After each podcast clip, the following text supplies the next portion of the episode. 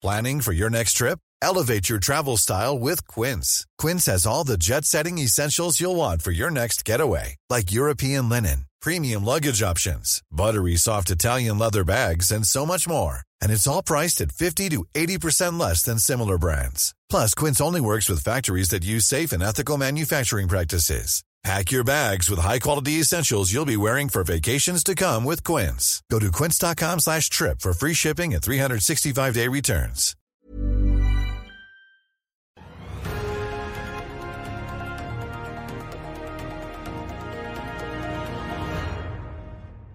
Det verste børsfallet siden 11.6.2020. Ja, slik gikk det på Wall Street i går, etter at markedet fikk frysninger av de nyeste inflasjonstallene fra USA som kom på ettermiddagen i går. God morgen og velkommen til oss her i Finansavisen på plass på Paretos eh, mye omtalte og sagnomsuste energikonferanse, som nå endelig er på plass tilbake her på Holmenkollen Park Hotel Scandic etter to år med pandemi. Over to dager så skal vi dekke konferansen og snakke med flere av deltakerne her. Og i denne sendingen så skal vi høre fra Pareto-sjefen selv, Christian Jomås, og Maria Moreus Hansen, som jo tidligere har vært toppsjef i tyske DEA, og nå har en rekke styreverv, inkludert i Skatek og Slumberg Skje. Så en med øret på bakken, altså. Men først må vi snakke om markedet. Karl Johan Månes, aksjekommentator. Inflasjonen toppet seg jo i juni i USA på 9,1 og er nede i 8,5% i juli. Det var ventet å roe seg ned til 8% nå i august, men det ble det ikke. Det ble 8,3% og det skaket tydeligvis såpass mange at vi fikk dette kraftige fallet her i går. Vi så Wall Street ned mellom 3 og 5% på de store indeksene. Hva i alle dager er det som skjer? Nei, det er, det er, økonomien er sterkere enn det markedet har forventa. Det betyr jo at når inflasjonen går opp på nesten alle parametere, utenom bensin Det var vel opp fra 5,9 til 6,3 på kjerneinflasjon. Så er det prisingsmakt, og da må renten opp. Så det er en rentejustering som skjer. og derfor så var det de dyreste teknologiaksjene som fikk svi mest. Nvidia, som er en av de mest populære aksjene, var ned med nesten 10% Amazon var ned med 7 og, Det er kraftige fall, altså. Ja, kraftige fall. Microsoft også ned 5,5. Alle aksjene i Nasdaq 100 var ned. Så, men det er klart er, alle skyer har en silver lining, og CF Industry, som skulle fusjonere med Yara, var opp. Så det, det behøver ikke bety at alle aksjene på Oslo Børs skal ned. Um, Yara f.eks. behøver ikke falle så mye på dette når CF Industri går opp. Det er, dette er en rentejustering, for økonomien er sterkere enn man trodde. Og, og, og det man har tatt litt feil på, er husleia. Den, etter det jeg hører, så driver de som har hus, de øker husleien med 1% i måneden for å ta igjen da, det økninger som har vært i husprisene da, etter pandemien. Så når de to møtes, ja. Kjerneinflasjonen ja. tikker jo oppover fortsatt, da, fra 5,9 til 6,3% I USA er jo den da ikke inkludert energi og matpriser. Så det er jo et tegn på at prisveksten Her stiger prisene jevnt over. Og så hjalp det litt med litt billigere bensin selvfølgelig ja. nå i august. Det er den gamle, det er den gamle Donald Duck-historien der pengebingen til onkel Skrue blir blåst i stykker av vinden. og han vet ikke hvor han skal samle igjen pengene. Så finner han ut at det er bare å sette opp prisene på alle varene, så kommer alle pengene tilbake, tilbake til. Ja, tilbake i kassa. Og det er det som skjer her. Pluss at da sentralbanken har en egen støvsuger da, med kvantitative tilstramminger da, med, som begynner denne måneden med 95 milliarder dollar i måneden. Og det vil jo merkes. da, så, så, så du, kan ikke, du kan ikke kjempe mot sentralbanken. De kommer til å vinne, de kommer til å samle inn igjen disse pengene. Det kommer til å måtte gjøre vondt. Arbeidsledigheten må opp, og, og renten må opp. Og, og, dessverre så går det utover de dyreste aksjene. De har hatt det litt for enkelt de siste ti åra. Så det er jo bare å sjekke litt på PE-tallene på disse her aller mest aggressive aksjene. som ja, Nvidia og et par andre av disse halvlederaksjene. Så det er klart En aksje som Nordic Semiconductors er ikke så veldig dyr i forhold til de. da. Den hadde bare PE på 20, var ned med 5 i går. Behøver ikke få like sterkt uh, kursfall som de andre. for det, det, er avhengig av hvordan selskapet gjør det. Hvis de klarer, hvis de lykkes med, med, sine produkter, så det er jo et veldig lite selskap i sektoren, så kan de gjøre det relativt mye bedre enn de andre selskapene. Det er, det er produktavhengig og selskapsavhengig. Nå er det bare et uh, minutt igjen til børsen åpner. Roger Berntsen i Nordnett venter et fall på 0,9% på underveksten fra start. Så får vi se hvordan det går. Oljeprisen vi ser i hvert fall på nordsjøoljen ned 0,75 da, til 92 dollar og 80 cent i spotmarkedet. spotmarkedet. Karlan, vi så et ganske stødig fall i Asia på morgenen i dag også. Nikkei og Hang Seng ned 2,5% Ja, det, det smitter over fra USA. Det, jo, det selger jo til samme markedene, de samme produktene. Det men det er ikke fullt så dyre aksjer. Da, så det, du får ikke samme trøkken. Det er ikke så mye ned. Så det er kanskje det man kan forvente i, i Norge også. Litt ned. Vi ruser oss litt på olje og gass, som jo fortsatt ja, ja. lever i veldig gode tider. Men nå er det jo rentemøtet da i USA eh, som avsluttes. Vi får en beslutning på onsdag kveld. Så kommer jo Norge etter eh, på torsdag formiddag. Eh, men for aksjemarkedet er det jo den amerikanske rentebeslutningen som blir viktigst. Men hva kan vi egentlig forvente oss da i de kommende dagene? Blir det fortsatt mye uro, tror du, frem til vi får fasiten på onsdag? Og hva kan vi egentlig forvente oss? Nei, det, det, blir det trippelleving bankers? Nei, det var vel noen som sa det at når det er 80% sannsynlighet for en uh, viss renteøkning, så bruker man aldri å ta feil. og Det, det, det var siste jeg så, var 80% for 75 basispunkt. og det, Da virker det som at det blir det. Ja, Nå har vi jo disse inflasjonstallene, de må jo klemme til. for Det er jo valg også i november, så de, det er ikke så mye de kan gjøre på neste møte. Det, det er nå de må gjøre det, og så, må ikke de legge seg opp og forstørre valgkampen. For den er jo viktig. da, Det er jo det er midterms uh, midterm election, ja. Første uka i november. så... Eh, eh, jeg tenkte eh, Noe som jeg på en måte har lagt merke til skje mens vi venter på børsstarten her, er jo at to store meglerhus på Wall Street, både Goldman Sachs og JP Morgan, tar grep nå. Wall Street Journal og New York Times har ute og meldt at Goldman Sachs skal nedbemanne. JP Morgan var ute selv og sa at de forventer en halvering av inntektene fra transaksjoner på, på Corporate Finance. Nå da i tredje kvartal. Ja. Det tyder på en ganske sånn kraftig oppbremsning i eh, kapitalmarkedet sånn generelt sett? Dette, dette, dette, er veldig store organisasjoner. slik at, og, og De har sett nedgangskonjunkturer før. og de vet jo det at eh, de bruker jo å tilpasse bemanningen etter hvor etterspørselen er for ulike produkter. og eh, som, som, en del andre industrier så har de forbausende stabile marginer, fordi at eh, mye av kostnadene er jo omsetningsbaserte. og men, men, typisk når du har en sånn stor skrell og du setter organisasjonen for neste syklus, så kan opptil 30% av de som er der, eh, måtte finne seg noe annet å gjøre. Da, fordi at du, du omallokerer fra enkelte produkter som er out of fashion og begynner å satse på nye produkter som blir in fashion. Ja. Og det forandrer seg hele tida. Wall Street er fashion business. Det er, eh, det er eh, nye produkter hele tiden. Oslo Børs eh, åpner ned 1,1 eh, fra start, eh, ser det ut som. Mens vi titter litt på starten, så skal vi ta en liten pause, så er vi straks tilbake med sjefen i Pareto.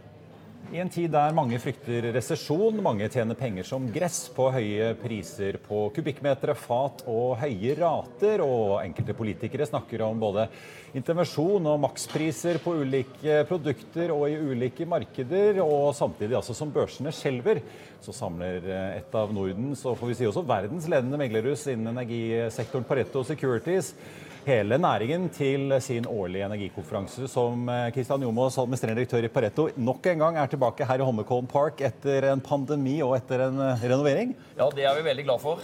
Eh, vi har nesten 2000 deltakere her. 165 selskaper som skal presentere.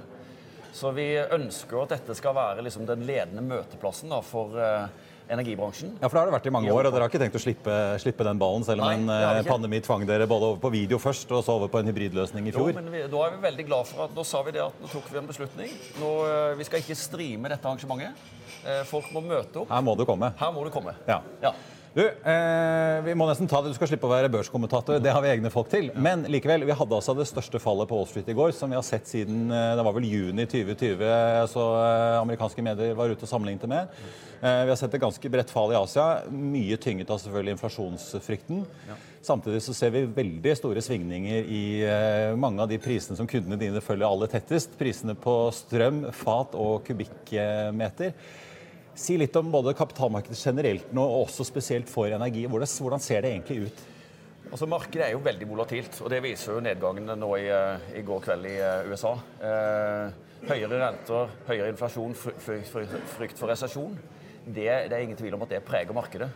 På andre siden så har vi en energikrise i Europa med rekordhøye eh, energipriser som eh, setter press på markedet og som eh, samtidig der er en, eh, en massiv utfordring i å erstatte russisk olje og gass. Og eh, det er en stor utfordring. Men altså, vi ser jo i EU, Nå skal jo senere i dag Ursula von der Leyen opp og holde den europeiske versjonen av State of the Union-talen.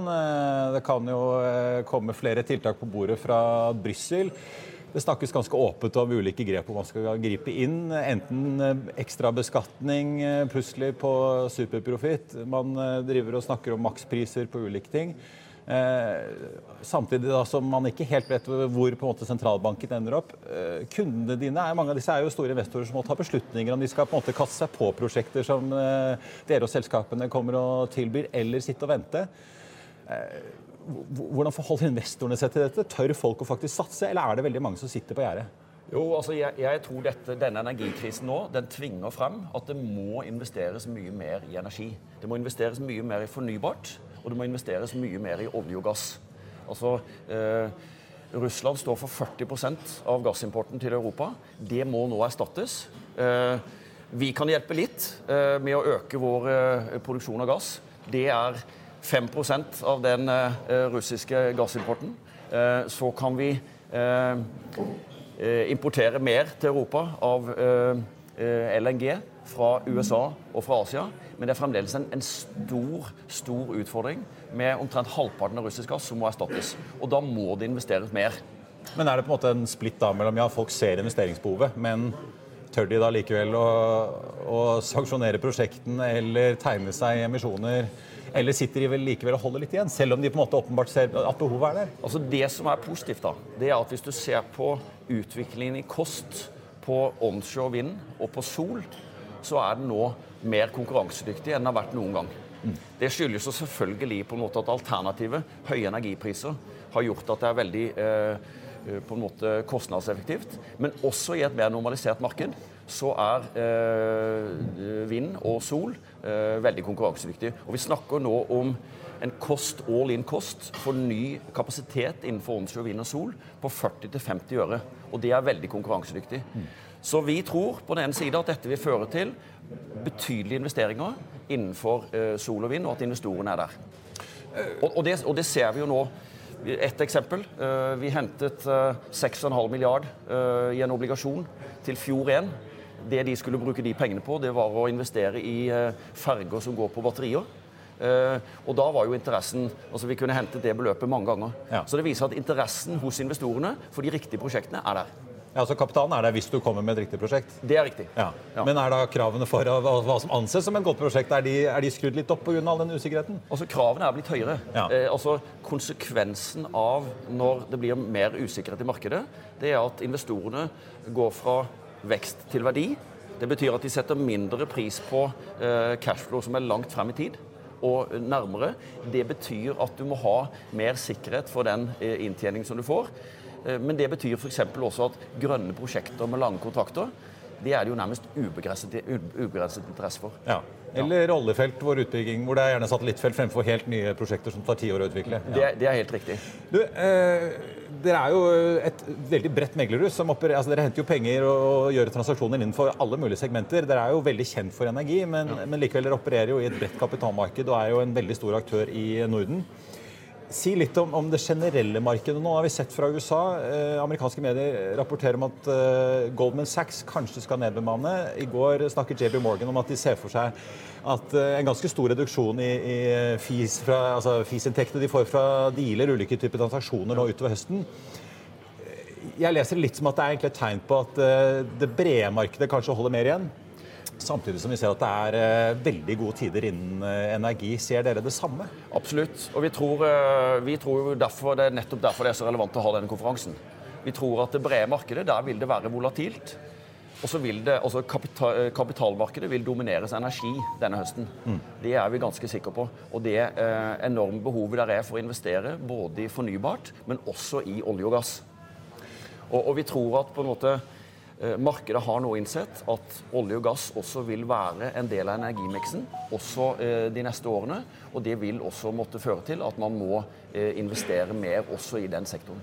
Har en del investorer. Vi har jo sett mange store fond og store pensjonskasser i tidligere år være ganske åpne på at de ønsker å selge seg ned eller ut av olje og gass. Har den stemningen snudd litt? Begynner pengene og interessene å flytte seg litt tilbake? Eller er det litt tidlig ennå at det er de som alltid har vært i olje og gass, som fortsatt er der? Altså, Vi mener jo det. Altså, Situasjonen er jo så alvorlig at store selskaper som Hydro og Yara stenger ned produksjon. For de har rett og slett ikke nok energi. Jeg syns det sier alt om behovet for at nå må vi også investere i både fornybart og vi må investere i olje og gass. Det, det er som vi har sagt, det gjelder å ha to tanker i hodet samtidig. Men betyr det at selv, eh, selv, svensker som er veldig klimabevisste og glad i å snakke om det, begynner å liksom eh, ringe litt bort til dere i Oslo og høre hva skjer nå? Ja, vi argumenterer i hvert fall for det at det bør de se på nå. Ja. Til slutt, eh, kan du si litt om, eh, hva slags type transaksjoner eh, vi kan forvente oss nå utover høsten? Vi hadde jo en veldig stor grønn bølge med mye nye gründerselskaper og vekstselskaper i, i 2020. 2021 begynte vel å blande seg litt. I år har vi jo sett den store Vår Energi-børsnoteringen, som var vel en av Europas største børsnoteringer. Får vi se hva Porsche kommer inn på til slutt. Men ja. eh, likevel er det sånn at eh, vi vil kanskje se noe mer noteringer eller emisjoner innen eh, olje og gass og fornybar, men en mer stopp eller brems i andre sektorer? Ja, jeg tror, altså, Energi vil dominere kapitalmarkedet. Og så tror vi at i denne energitransisjonen så er det de store industriselskapene som vil drive den nå veksten. Så det vil komme mye, på en måte, tror jeg, eh, kapitalinnhentinger, konsolideringer blant industriselskapene. Ja. Og Det ser vi både på fornybar side og vi ser det på olje- og gassiden. Hvordan er det på, En ting er jo aktører som allerede er i markedet. Hva med nynoteringer? da? Det, har jo vært, eh, det er jo ingen hemmelighet. F.eks. Able har jo sagt at de vurderer å gå på børs. Eh, så får vi jo se om andre aktører, men, men er, det, er, det, nok nå til at aktører tør å hoppe og, og gå på børs også som helt nye? Altså Jeg tror på en måte kravet til modenhet for selskaper som går på børs, den har økt. Og det er jo som en konsekvens av volatiliteten i markedet. Så vi vil se børsnoteringer, men det blir, blir større, uh, mer modne selskaper med en uh, kortere tid til uh, inntjening. Kristian Jomås, sjef i Pareto, takk for at du var med oss. Nå har jeg lovet å slippe deg, for du skal ned og straks på podiet. Og sikkert ha masse møter etter det. Takk skal du ha. Takk skal du ha. Velkommen tilbake her til Holmenkollen Park Hotel. Karl Johan, Hovedeksen på Oslo Børs nå ned nesten 0,8% Vi så et fall på litt over prosenten fra start. Nordsjøolje ned eh, nesten halvannen prosent til litt over 92 dollar fatet. Men vi får ta med noen av de store utslagene vi ser. Det var jo mye tech- og vekstaksjer som falt på eh, Wall Street i går. I dag eh, ser vi at Autostore eh, nå ligger nå inne på nest mest omsatt på Oslo Børs, ned 7,6% Ja, Det er jo den aksjen som ligner mest på Nasdaq. Da. De har jo lovet 40 eh, salgsvekst på disse robotlagerløsningene ja, sine? Ja, ja. De, de som har tatt luften ut av lageret og putta det inn i aksjeverdien.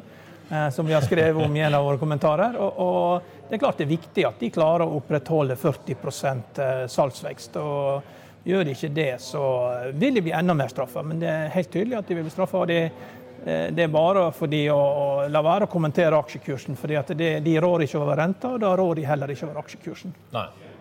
Åpenbart, men det var jo en av de største børsnoteringene vi hadde da de kom på børs eh, her i fjor, var det vel? Ja, det var riktig til sin tid, og, men det gjelder jo da det er klart, Når du legger det opp til at du sier du skal ha 40 salgsvekst, da, da, er du oppe med de hurtigst voksende selskapene på børsen, med, med eh, skyselskapene og de raskest voksende netthandelen som vi skriver om i avisen i dag, med Shine, som har tidobla salget på tre år. Og du må levere, for med en gang du detter ned til 30% salgsvekst, og så ned til 20 eh, salgsvekst, så er du blant de vanlige dødelige. og Da eh, blir dette kjedelig. Altså, så det, det, de bør konsentrere seg om, det er å levere den salgsveksten som jeg lover, og bare glemme å kommentere aksjekursen. For det kommer til å gjøre veldig vondt å gå og irritere seg over når de ikke kan styre. For renten kommer til å fortsette å gå opp, og den aksjen kommer til å fortsette å gå ned. Vi må snakke om en annen aksje som jo har vært i vinden, som stiger veldig mye i dag. Seaway 7, denne spin-offen fra Subsea 7, eh, ser den nå stige 9,5% etter et fall på nesten 17% 16,7% i går. De har varslet en emisjon. Voldsomme utslag der òg? Ja, det er enormt store utslag. Og det må jo være noen som er veldig godt informert, som kan begrunne begge de to kursutslagene. Det er, det er store utslag. Hva er det du følger med på nå utover dagen? da? Nå eh, ser vi at det er jevnt over rødt i Europa, med unntak av København, som er så vidt i, pluss. Eh, er det noen sånn tegn du ser på på at dette har bundet ut, eller kan bli verre utover dagen og uken? Nei, jeg tror jo det at det blir det, Du får en reallokering, og at teknologiaksjene fortsetter å være svake fordi momentum er momentum er det eneste som har, har virka i dette markedet. og Nå tar du vekk momentum. og det, det, er klart det er et problem når du har liksom eh, kraftselskapene i USA, da utilities-aksjen, indeksen, liksom setter ny all time high. Det er ikke noe, er styrketegn for markedet. og det er også for at man er skeptisk til bankene. For man vet ikke helt hva som eh, skjer der ute. Så eh, jeg tror man skal være forsiktig. og, og eh, men, du, når inflasjonen går opp, så betyr jo at det er prisingsmakt. Så det, det, er ikke noen stor fare for krakk. Altså Krakk får du når inflasjonen og veksten faller samtidig sterkt. Og når inflasjonen går opp, så det, det betyr prisingsmakt. Det er noen som har prisingsmakt der ute, og, og det vil vi da se i earnings. Ja. Men, men, men de rentesensitive, alle rentesensitive aksjer de får juling. Og det er kanskje kvartalsrapportene som har vært, så har vi sett mye prat om inflasjon. Og vil ja. kanskje de selskapene som har prisingsmakt, eh, skryte av det på inn- og utpust i rapportene sine? Ja, men det er klart de gjør jobben lettere for sentralbanken. Fordi de har sagt de skal få ned inflasjon, og da må renten opp, og da må arbeidsledigheten opp. og for hvis det er, for mye etterspørsel der ute etter varer, og det er for mye penger fortsatt blant folk. American Express er også ute og sier de merker ikke noe problem blant sine kunder. Eh, og, og, USA er jo som et gigantisk stort laboratorium. Der er veldig lite sikkerhetsnett. altså. Det er, og når du har sett en linedanser falle av lina litt for mange ganger, så vet du at det, det, er, det er ikke mye å gå på. Og det er brutalt. Og de, de, de kommer til å klare å rydde opp i dette, men, men det kommer til å svi. Ja. You're on your own, er det noe som heter? Ja. Vi skal følge markedet videre, men uh, vi må jo også snakke litt om uh, energi og den krisen vi står oppi. Uh, I morgen, torsdag, så har altså norske myndigheter kalt inn aktørene på norsk sokkel til et toppmøte for å diskutere åpenbart de henvendelsene og, og si, oppfordringen som kommer fra EU om å selge gassen litt billigere nedover på kontinentet. Eh, vi skal ha en prat med Maria Marius Hansen, som kjenner både tysk næringsliv veldig godt og den internasjonale energibransjen veldig godt. Vi er tilbake eh, med henne om litt. I'll see you in court. Vi sier det ofte litt på spøk, men for deg som driver business, er det aldri moro å innse at du ikke har laget en 100% gyldig kontrakt.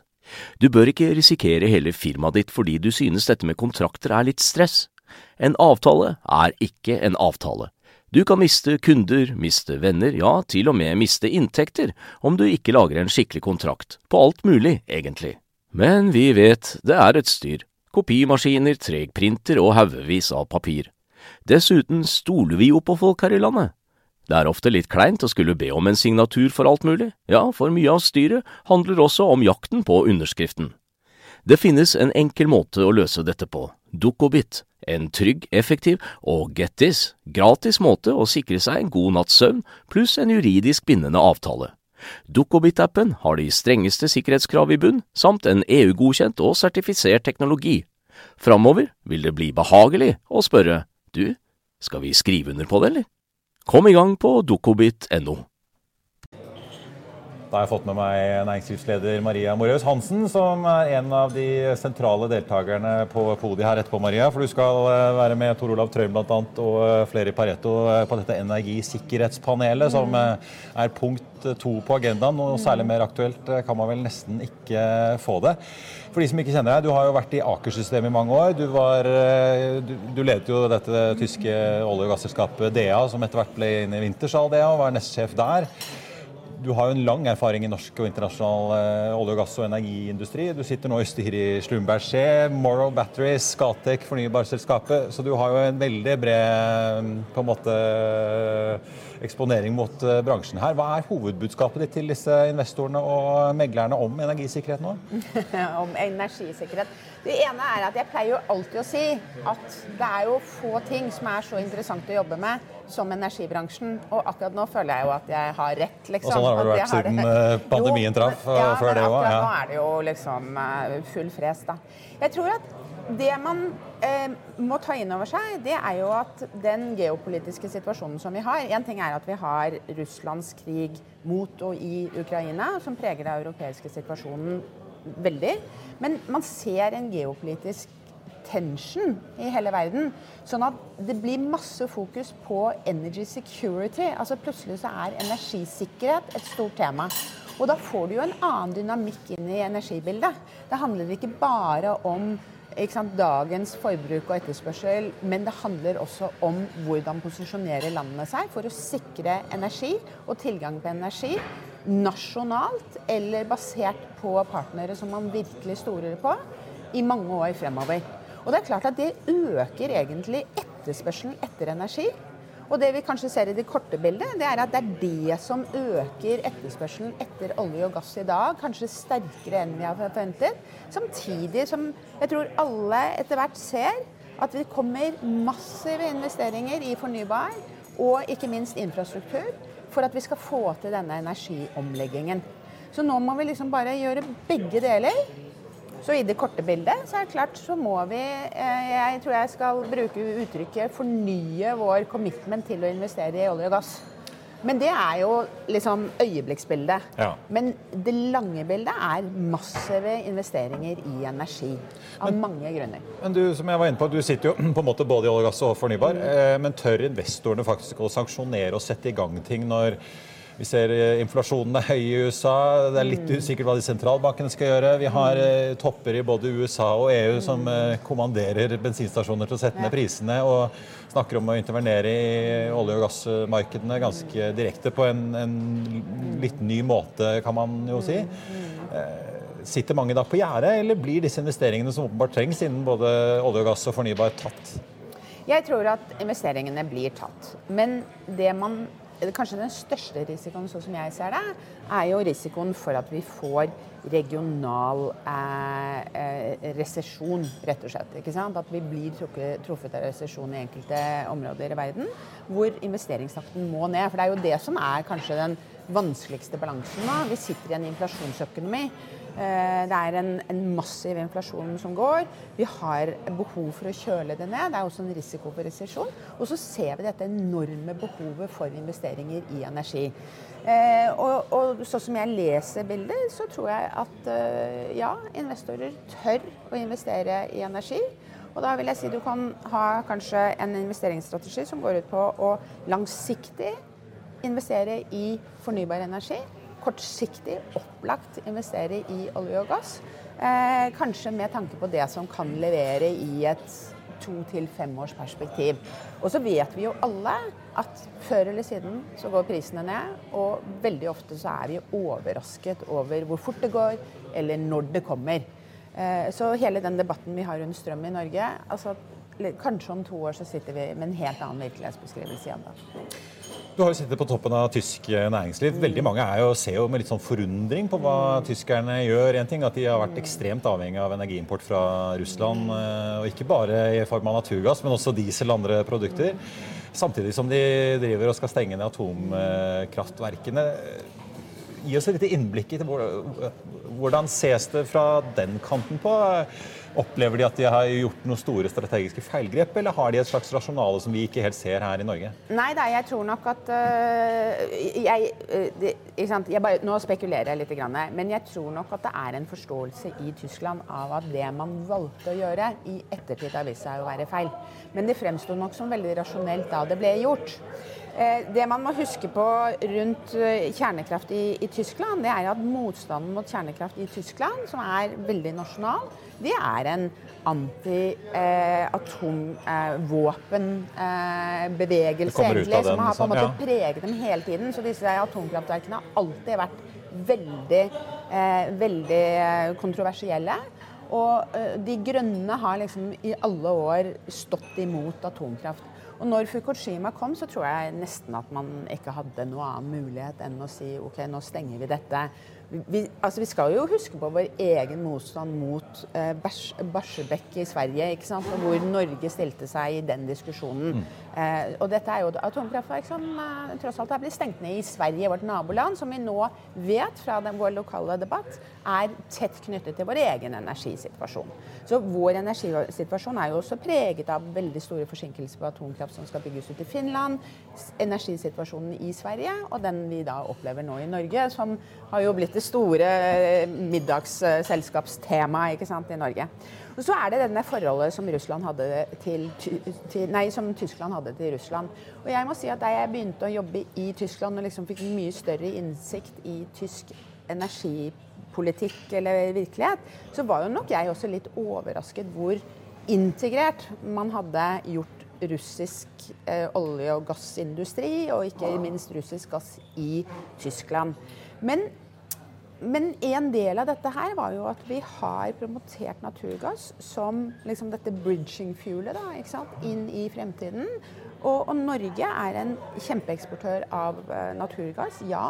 Men det er klart at vi dekker ikke Europas behov. Selv om vi er størst eh, med god margin nå, ja. Mm. Så, så, man har jo liksom sagt naturgass, naturgass, naturgass. Og hvor får man naturgass? Man får det fra Russland.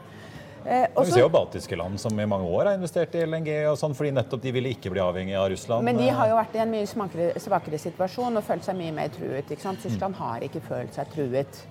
Eh, og så ser vi rett og slett en energikrig. Det er jo det vi må huske på. Altså Én ting er at det er en krig som foregår på bakken i Ukraina, mm. men akkurat nå så er vi jo i en form for krig mellom Europa, eller Vesten, og Russland. Og den handler jo om energi. Så at vi nå får litt juling og sant, opplever dette som, som, vanskelig, det er jo ikke overraskende. Men, men det jeg har lyst til å si, da, det er jo at man Eh, I debatten så har man så lett for å skylde på tyske politikere, men min opplevelse var jo at tysk næringsliv var opptatt av russisk gass, de òg. Og de hadde de tette forbindelser. Så de ble ikke liksom pushet inn i en, et samarbeid med Russland. Altså, jeg vet ikke hvem som drev den, men her hadde man et ønske om For det første så hadde man jo en forventning. Vi har jo vokst opp i en forventning om at verden skal normalisere, at Russland skal inviteres inn i varmen. Eh, jeg husker eh, Jeg lurer på om det var, eh, det var vår forrige utenriksminister som kommenterte at når hun hadde vært på et av sine første utenrikspolitiske møter, så hadde jo Russland vært til stede, og det var et ønske om å invitere dem inn. Man hadde nesten en forestilling om at Russland kunne bli et medlem av Nato. Og så plutselig så står vi i en helt annen virkelighet. Til slutt vil jeg høre litt om hvor du tror veien videre går. Eh, nå skal jo eh, Jonas Gahr Støre møte norske olje- og gasselskaper og høre eventuelt hva de mener eh, nå i morgen på, på, torsdag. Vi har jo sett, selv om det ikke ser ut til å bli noe av, flere politikere i Europa ønsker seg makspris. Flere aviser og politikere snakker jo varmt om at Norge skal begynne å dele av de voldsomme inntektene vi har om dagen. Men vi har også sett en litt sånn ny tone fra Brussel allerede før sommeren. da Uh, Frans uh, Zimmermann er det vel han heter, og Kadra Simsen, energikommissæren. altså de, To av de helt ledende EU-politikerne. Skriftlig i uttalelsen etter møtet med norske regjeringen uh, sa at det er en, et rom for norsk olje og gass, også nyutbygginger etter 2030. Hva tror du EU og Tyskland vil gjøre nå fremover? Vil de faktisk ønske å finne alternativer til Russland på, på, på permanent basis? Og Betyr det at vi i Norge kan se frem til en, en større etterspørsel av det neste tiåret eller to? Eh, altså, det er jo uh, Det som jeg har hørt nevnt i debatten nå, det er jo at man altså det for oss som produserer naturgass, å sette en makspris på den gassen vi tilbyr til et annet marked, er jo en merkelig mekanisme. på en måte. Mm. Man har jo sett mye energisubsidier rundt i hele verden. Altså, tradisjonelt så, så vi jo det på olje f.eks. i store forbruksland ikke sant, som ikke hadde så god økonomi som i Vesten. Altså sånn at Myndighetene rett og slett subsidierer eh, olje f.eks. Til, eh, til eh, mobilitetsbruk, bensin til mobilitetsbruk. Så, så, det virker jo som en noe mer rasjonell på en måte, løsning enn å pålegge produks, produksjonslandene en makspris, som er en merkelig greie. Men det man rett og slett kan få tilbake, er jo de lange kontraktene med prismekanismer eh, som regulerer pris. Som vi jo hadde før, egentlig. Som vi hadde før. Mm.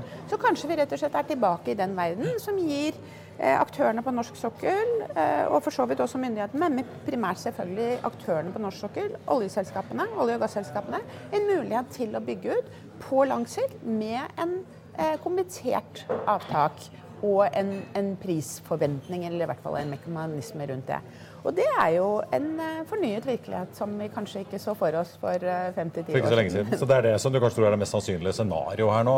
Jeg tror jo det. Og så skal man jo ikke se bort fra at, at olje- og gasselskapene kan oppleve en, et lite push fra myndighetene på forskjellige sider. Men jeg tror ikke det blir ikke noe instruksjon tror jeg, fra norske myndigheter mot private aktører. Noe diktat fra Jonas og Terje Aasland om hva de skal selge kubikkmeteren for. Nei, Maria Møres Hansen, tusen takk skal du ha. Lykke til på Bodø etterpå.